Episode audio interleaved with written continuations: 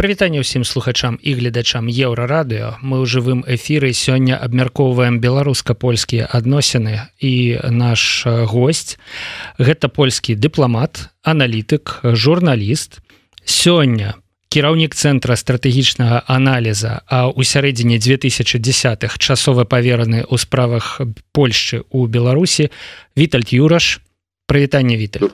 Добрый день. Ну дыпламат толку бывший Ну, мне кажется, что дипломаты бывшими не бывают, честно говоря. То есть по э, должности, да, но по сути... Ну, знаете, ну, так, так и... Если считать, что дипломат и шпионы это одно и то же, тогда да. Но поскольку это все-таки не одно и то же, то бывшие бывают. Окей, э, бывший дипломат, вы уже заметили, что я э, перешел на русский язык. Э, для разговора с гостем из Польши это имеет смысл. Я думаю, что наши слушатели нас поймут. Надеюсь, да, вы нас я, поймете. Я, да, я извиняюсь, но я не размовляю на белорусской мове. Ну, я пару слов, конечно, умею сказать, но, но, но так и не выучил. Я за это извиняюсь. Друзья, как обычно, прошу вас ставить лайки под этим видео, прошу вас подписываться на YouTube-канал Еврорадио. Чем больше лайков, э, тем больше зрителей, а зрители, конечно же, нам нужны. Ну а теперь э, начинаем. Э, Витальд, можете ли... Вот главный вопрос у меня, да, Лукашенко, он все время строит из себя миротворца, он много раз за последние несколько недель повторил, что Беларусь не угрожает Польше, и даже один раз попросил премьер-министра своего наладить отношения с Варшавой. Что по этому поводу думают в Варшаве, собственно говоря, и может ли Польша простить Лукашенко за все, что он сделал за последние три года против поляков? Ну, я думаю, что э, вопрос не в том, может ли Польша простить, но может ли Украина простить. Э, началось с территории Беларуси, то есть э, Григорьевич это соучастник вот этой войны.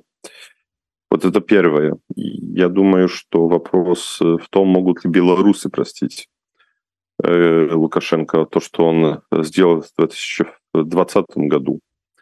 Э, я долгие годы был сторонником разговора с э, Лукашенко. Э, я считал, что с ним надо иметь дело, поскольку мне казалось, что вот альтернативой для тогдашнего Лукашенко есть, ну вот такой Лукашенко, как сейчас. В то время большинство аналитиков, дипломатов, экспертов комментаторов в Польше говорят, да нет, ну, там, типа, будет революция, что-то изменится и так далее, и так далее. Э, но я, э, но мне кажется, что я был прав. Во всяком случае, так, так получилось, как, как я говорил. Но раз так получилось, то надо сделать выводы. А вывод такой, что, на мой взгляд, Александр Григорьевич перешел точку невозврата. С другой стороны, украинцы все-таки контакты какие-то неформальные с Лукашенко поддерживают.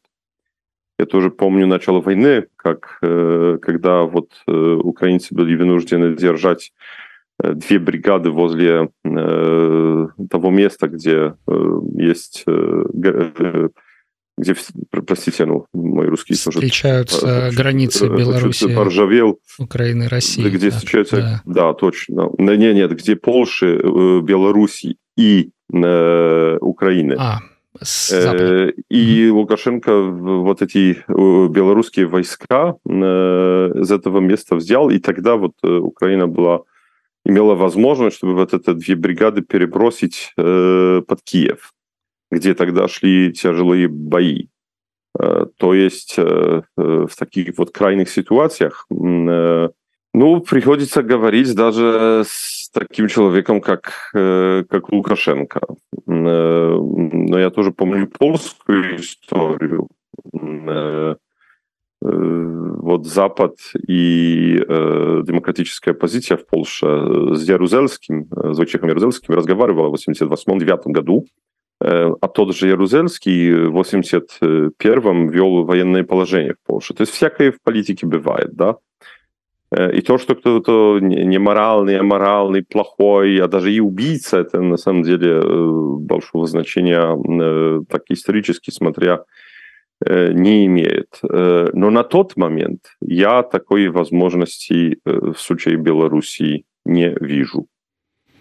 Поскольку вот в, в окружении Ярузельского когда вот эти изменения начали, начинались у нас, были определенные люди, то есть реформаторы. А вот в окружении Лукашенко есть, ну, короче, ну, это хунта, это не правительство, это хунта. И террор только нара наращивает. То есть я буквально на прошлой неделе встречался с с человеком, который э, въехал с Беларуси. Я, я не буду тут никаких деталей э, говорить, э, чтобы человеку не навредить, да, но, но там есть просто реально э, ситуация э, очень плохая. То есть я не вижу такой возможности. Ну и, например, вчера стало известно, что активист из Гродно, который неделю назад переехал э, в Польшу, вынужден был переехать, э, умер, не выдержало сердце. Э, то есть человек смог убежать от политических репрессий, но не смог даже неделю прожить в другой стране, не выдержал всех этих обстоятельств. И действительно я готов согласиться с нашим гостем, что репрессии, они не собираются останавливаться. В том числе репрессии против польского меньшинства – мы знаем, что э, разрушаются кладбища э, времен армии Краевой. Мы знаем, что Анджей Почобут сидит в заключении, что уничтожен союз поляков в Беларуси. Насколько для Варшавы все это важно? Или все-таки в отношении Беларуси действует такой принцип реал-политик? Главное – это вот экономика, Э, что-то большое, имиджевое, региональное, а э, это все-таки можно списать на какие-то локальные перегибы. Ну вот, смотрите, а, если есть, есть в, в, в то время, когда это были локальные перегибы, Э, ну, в кавычках, да, э, тогда я был сторонником того, того чтобы вот именно так и делать, да.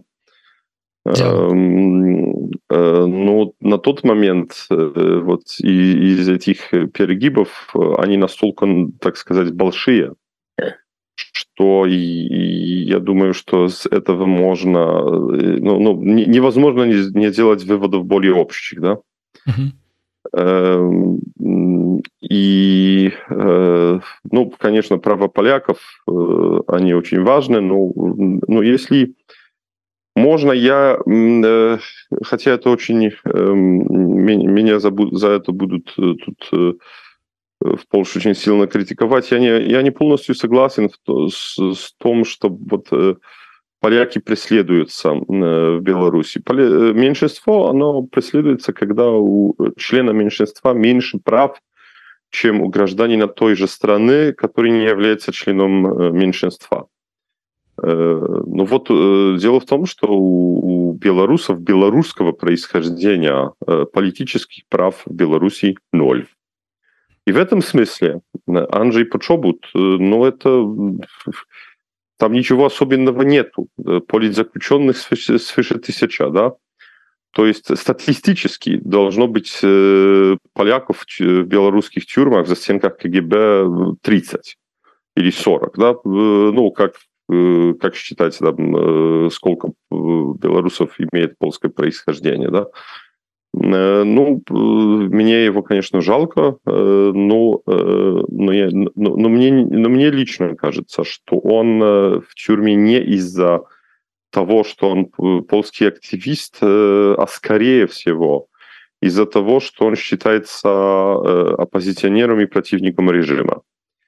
И, ну, кстати, я могу сказать, что когда я был временным поверенным, я Э, считал, что э, нельзя быть одновременно активистом польского меньшинства и членом оппозиции. поскольку, понимаете, вот в математике два минуса – это плюс, а вот в политике два минуса – это… Два минуса. Двойной два минуса. Вот все. Ну, к сожалению, ситуация... Я, я, я откровенно вам скажу, что я довольно пессимистически смотрю на будущее. Притом э, есть э, один э, вот очень известный деятель независимых медиа с Беларуси, который эмигрировал много-много лет тому назад, ну, в 2010-м, да, я вот этому человеку сказал, Э, что надо наладить свою собственную жизнь. Э, ну, то есть, э, ну, это женщина, выйти замуж, найти себе кого-нибудь. Она мне сказала, да, год-два я вернусь в Беларусь. И я ответил, да нет, ты вернешься в Беларусь через лет 10 или 20, или вообще не вернешься, да. Но прошло лет 13 уже. Ну, то есть э, это мой, кстати, совет для, для всех э, политиммигрантов с Беларуси. Э, я желаю всем, чтобы там изменилось, и чтобы, могли, чтобы они могли возвращаться, но реально надо тоже принимать такую возможность, что это надолго, и просто, знаете, жизнь у людей одна. То есть быть счастливым, наладить себе жизнь, и молиться, чтобы, чтобы это все изменилось. Но гарантий, что так будет э, скоро, ну, я боюсь, нет. Можно я резюмирую ваши слова? Э, как я понимаю, все-таки в основном отношение Варшавы к Минску, официальной Варшавы к официальному Минску, оно базируется не столько на том, что Лукашенко делает с поляками в Беларуси, а на том, что Лукашенко делает с белорусами в Беларуси. Или, например, на его участии в более широких геополитических процессах, такие как помощь России, война в Украине и так далее. То есть э, это э, не, э, скажем, не будет месть за там притеснение поляков, есть оно или нет, да? Нет, я думаю, это я будет, думаю, это... да, такая более, более широкая, более обстоятельная реакция? Я думаю, что это все эти элементы вместе, но, конечно, для нас, понимаете, вот э, Беларусь это всегда была вот та страна, которая, ну, мы смотрели на Беларусь как на э, ту страну, которая нас отделяет от, от России, да, ну так откровенно говоря. Притом, я думаю, что мы долгие годы э, делали очень большую ошибку по, в отношениях с Лукашенко, то есть мы с ним разговаривали про демократию, а не про права человека. Э, и это, на мой взгляд, была очень большая ошибка, поскольку э, когда он был еще, ну, так сказать, э, вменяемым, поскольку он сейчас не, очень вменяемый, мне кажется, он, э, я не имею в виду только того, э, что он очень жестко относится к людям, грубо относится к людям. Я имею в виду то, что он ведет себя, как будто бы он стал каким-то царем Беларуси, да, то есть этот, знаете, все это этот антураж того, что он делает, он, он такой чуть ли не кремлевский. Э, ну вот э, разговор про демократию, это был разговор про то, чтобы он потерял власть. А разговор про право человека, это был разговор про то, чтобы он, оставаясь у власти, тем не менее э, был, так сказать, мягко авторитарным лидером, да, а не диктатором. Это и большая разница. То есть с мягкого авторитаризма очень легко пройти в какую-то э, ну, сценарий круглого стола, да, э, если, если помните конец франкизма в Испании, да, то там вот между жесткой диктатурой и демократией был именно было время мягкого авторитаризма. Если посмотрите на Польскую Народную Республику конца 80-х, то это тоже мягкий авторитаризм. Но вот дело в том, что Беларусь, она с эпохи мягкого авторитаризма перешла в эпоху жесткого авторитаризма с, элемента, с элементами тоталитаризма. То есть она, если это вот сравнить с польской историей, она идет с 80-х в 50-е. То есть как будто бы наоборот, да. Mm-hmm. Притом я еще помню, когда я был в Беларуси, но там в окружении Лукашенко на постах замминистров, ну даже и министров, но были такие люди, которые, ну вроде как служили Лукашенко, но я мог себе точно представить их как чиновников высшего ранга демократической Беларуси. Но вот если я смотрю на, на лица режима сегодня, ну, простите, там каких-то системных либералов, так, если так употребить вот это российское выражение, ну, я, я там просто системных либералов не вижу. Как вы считаете, почему так произошло? Вот часть белорусских политиков связывает это с западным давлением. Да, мол, Лукашенко не оставили выбора. Он из-за санкций вынужден был повернуться в сторону России и э, продолжает репрессии, вы вот упомянули какую-то кремлевскую бесноватость да, во всем этом, э, значит, по кремлевскому образцу. Или же, может быть, он э, всю жизнь тяготел к Востоку, к Кремлю, к России, и это какой-то закономерный э, процесс, закономерное превращение в случае с Лукашенко из мягкой, мягкого авторитаризма в тоталитаризм к тоталитаризму?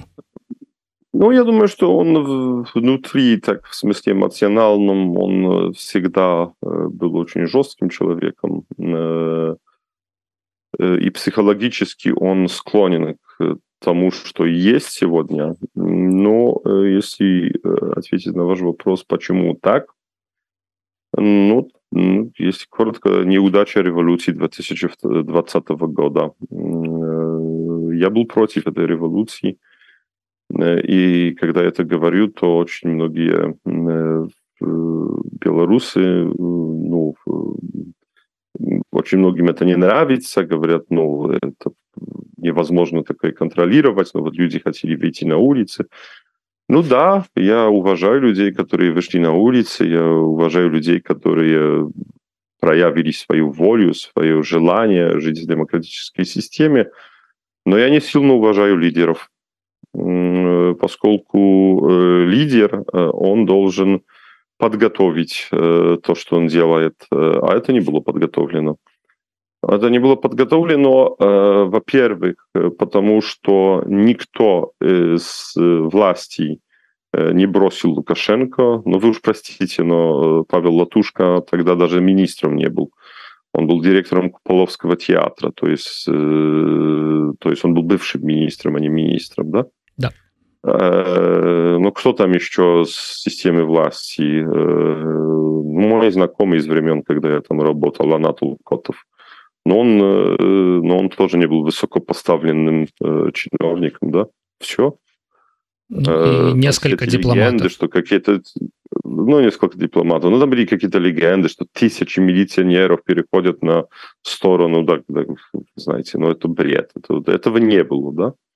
Белорусской диктатуры, которая очень сильно отличалась от, от э, диктатуры в России. Вот в России э, хорошо живут вот те, которые там в, в узком кругу, да, э, Путина. Ну, возможно, какие-то там, знаете, губернаторы и так далее. Ну, они там крадут деньги. Вот э, а, а уж какой-то пропорщик или там низкопоставленный милиционер, но ему придется, приходится э, собственно красть деньги, э, чтобы жить хорошо. Притом э, время от времени надо кого-то посадить за коррупцию, тогда могу, его могут посадить.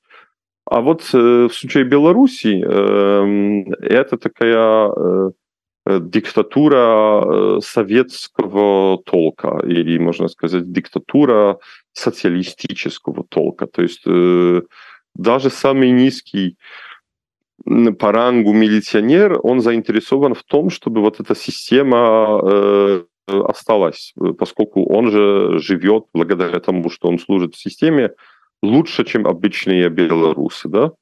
И в итоге, и, и когда вот э, Пригожин э, устраивает мятеж, э, то э, военным в России на самом-то деле наплевать, э, останется Путин либо либо нет. А если начинается революция в Беларуси, то получается, что э, не э, там э, глава КГБ и пару там ну, ублюдков хочет чтобы эта система осталась, только даже вот какой-то там, знаете, в Витебске какой-то там низко поставленный милиционер, он будет, будет бить дубинкой людей. Ну вот, к сожалению. И, и, и, и, ну, и это было понятно, что так будет. Э, вы меня простите за, за, за рекламу, но такую, что я буду рекламировать себя, я хотел сказать. Но я о всем этом написал э, до революции э, и в первый и во второй день революции. Я сказал, что, что она не получится. Э, ну тогда, простите, а лидеры-то что, не понимали этого? И мне кажется, что они несут ответственность за неудачу революции. И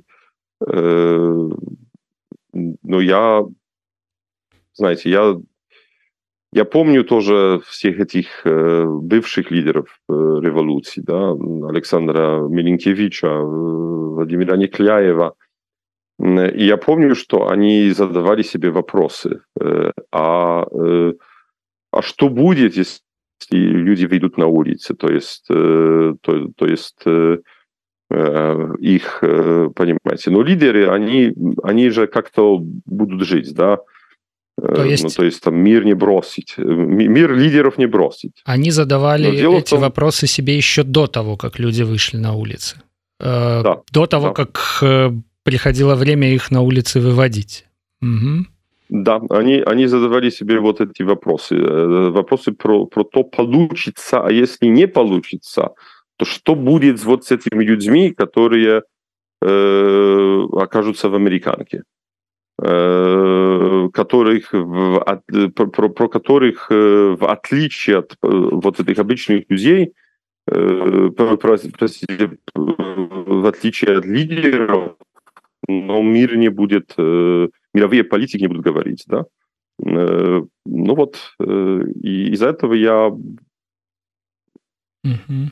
я как-то не, ну, у меня есть вопросы к лидерам позиции э, белорусской. Но э, мы практически начали с того, что сейчас э, ситуация изменилась и Лукашенко изменился. Э, то есть, если в 2020 году революция не имела шансов на успех из-за того, что Лукашенко поддерживали э, не только его приближенные, а и ну, некий довольно широкий круг прикормленных силовиков и так далее – Э, и э, вот вы сказали, что тогда с ним еще имел э, смысл разговор. То сейчас вы говорите, что разговор с ним смысла не имеет. А куда тогда дальше? То есть это будет продолжение давления и дворцовый переворот, или это будет какая-то следующая революция, но более спланированная и жесткая? Вот какие сценарии можно предположить и считать более реальными? Ну, вы, я заметил, не, не задали мне вопроса про рейд полка Калиновского на Минск. Ну... Я очень вам благодарен за то, что вы мне не задали этого вопроса, поскольку когда я слышу вот эти легенды про чуть ли не бригаду или дивизию э, белорусскую в Украине, то мне просто становится смешно. Там есть люди, я их очень сильно уважаю, но простите их что, 200, 300, да? 500 было ну, может, это время. Может, тысяча, но все равно мы понимаем, что... Ну да, да. Ну, короче, э, вот этого сценария не будет, да.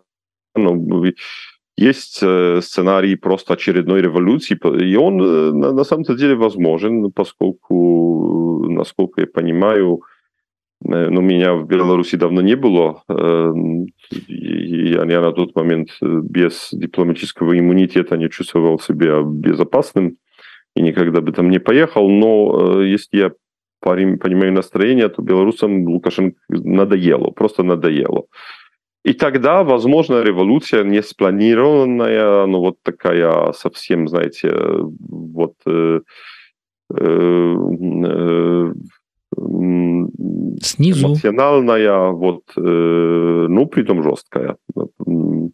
Это вполне возможно. Дворцовый переворот, э, я думаю, тоже возможен, но тут вопрос – Будет ли это такой дворцовый переворот э, типа свержения Хрущева, то есть э, придут соратники э, Лукашенко ему скажут, э, ну, уходи, пожалуйста, на пенсию. Э, ну, я не думаю, поскольку, э, насколько я знаю Лукашенко, он э, Э, он на такой не пойдет. То есть этот дворцовый переворот, он, скорее всего, будет, э, ну, вот э, такой более, так сказать, но он будет кровавым, откровенно говоря. Другого я не вижу. Но есть еще и, возможно, возможный, эм, к сожалению, переворот, но организованный извне, и при том я не имею в виду извне, то есть Э, с запада, но, скорее всего, с востока. Э, и э, следующим лидером Беларуси станет как какой-то абсолютно непонятный человек, который будет слабее Лукашенко и продаст Беларусь уже полностью России. Я на самом деле вот такого сценария очень боюсь. Я боюсь, что мы, имею в виду Запад, выиграем Бел... Э, Украину, и Украина выиграет, э, ну, это в основном э, себе, сама себе, но вот а Беларусь ну, будет поглощена Россией, и что Путин, либо кто-то там другой, кто придет на место Путина, скажет, э, ну вот, смотрите, ребята, мы, у нас Донецк, у нас Луганск, у нас Витебск, э, Минск, э, Гродно и Брест. Я этого, к сожалению, не исключаю. То есть, что э, реванш за Украину будет взят Кремлем в Беларуси, э, чтобы сгладить э, горечь поражения, боль, э, обрадуют э, россиян тем, что теперь можно Э, как домой. Ну, хотя они и так ездят в Минск э, как домой, но в прямом смысле. Ну да, что, что это, что, что мы, но э, ну, притом они там, знаете, что-то там скажут про э, русские земли и так далее, и так далее, да?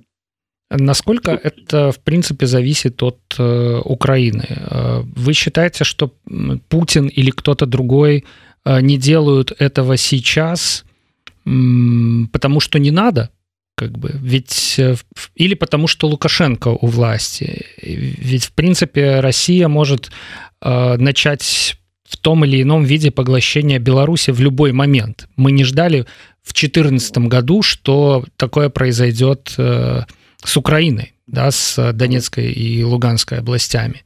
Но они выбрали момент и начали. Э, вдруг э.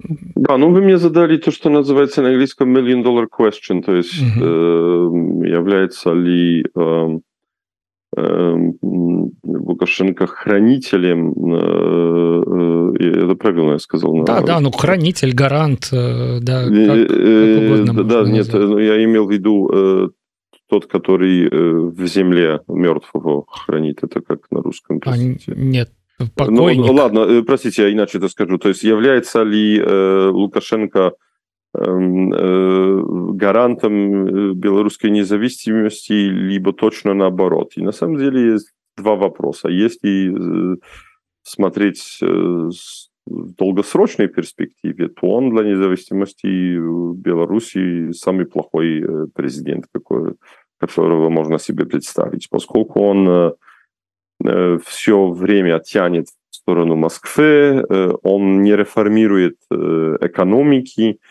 он э, э, не создает условий для развития страны, э, которая могла бы развиваться, поскольку белорусы, они, ну, во-первых, образованные, во-вторых, порядочные. Я знаю, что это слово при Лукашенко, оно так звучит. Ну, вы сами понимаете, да. Я недавно, кстати, встречался. Считает Беларусь, но он не так легко отдаст э, власть. Э, и в этой краткосрочной перспективе вполне возможно, что он не такой уж э, плохой. То Но есть... при том долгосрочный наоборот. Именно в этом месте и именно в это время Лукашенко все-таки является каким-то буфером от захвата Беларуси Кремлем. Но если взять последние 10 лет и, скорее всего, следующие несколько лет, то он э, подтягивает Беларусь к России, да. это происходит. Да. Что бы вы сказали об отношениях Лукашенко и Путина, если мы э, говорим э, о том, ну вот именно получается вопрос независимости Беларуси, это во многом вопрос их отношений и политической ситуации, в которой находится Путин. Например, уважает ли Путин Лукашенко настолько, чтобы в определенный момент, э, когда э, политическая выгода будет в том, чтобы аннексировать Беларусь, не сделать этого, потому что, ну, они же 20 лет вместе, 6 раз уже встречались в этом году, там, 20 раз за последние три года. Но это же Лукашенко, он свой. Ну, я думаю, что эти, э, эти отношения, они, ну, долгие годы они были не очень хорошими, да. Mm-hmm. То есть все знали про очень глубокое неуважение э, Путина э, к Лукашенко. Но мне кажется, что смотрите, до 20 до 22 года основ...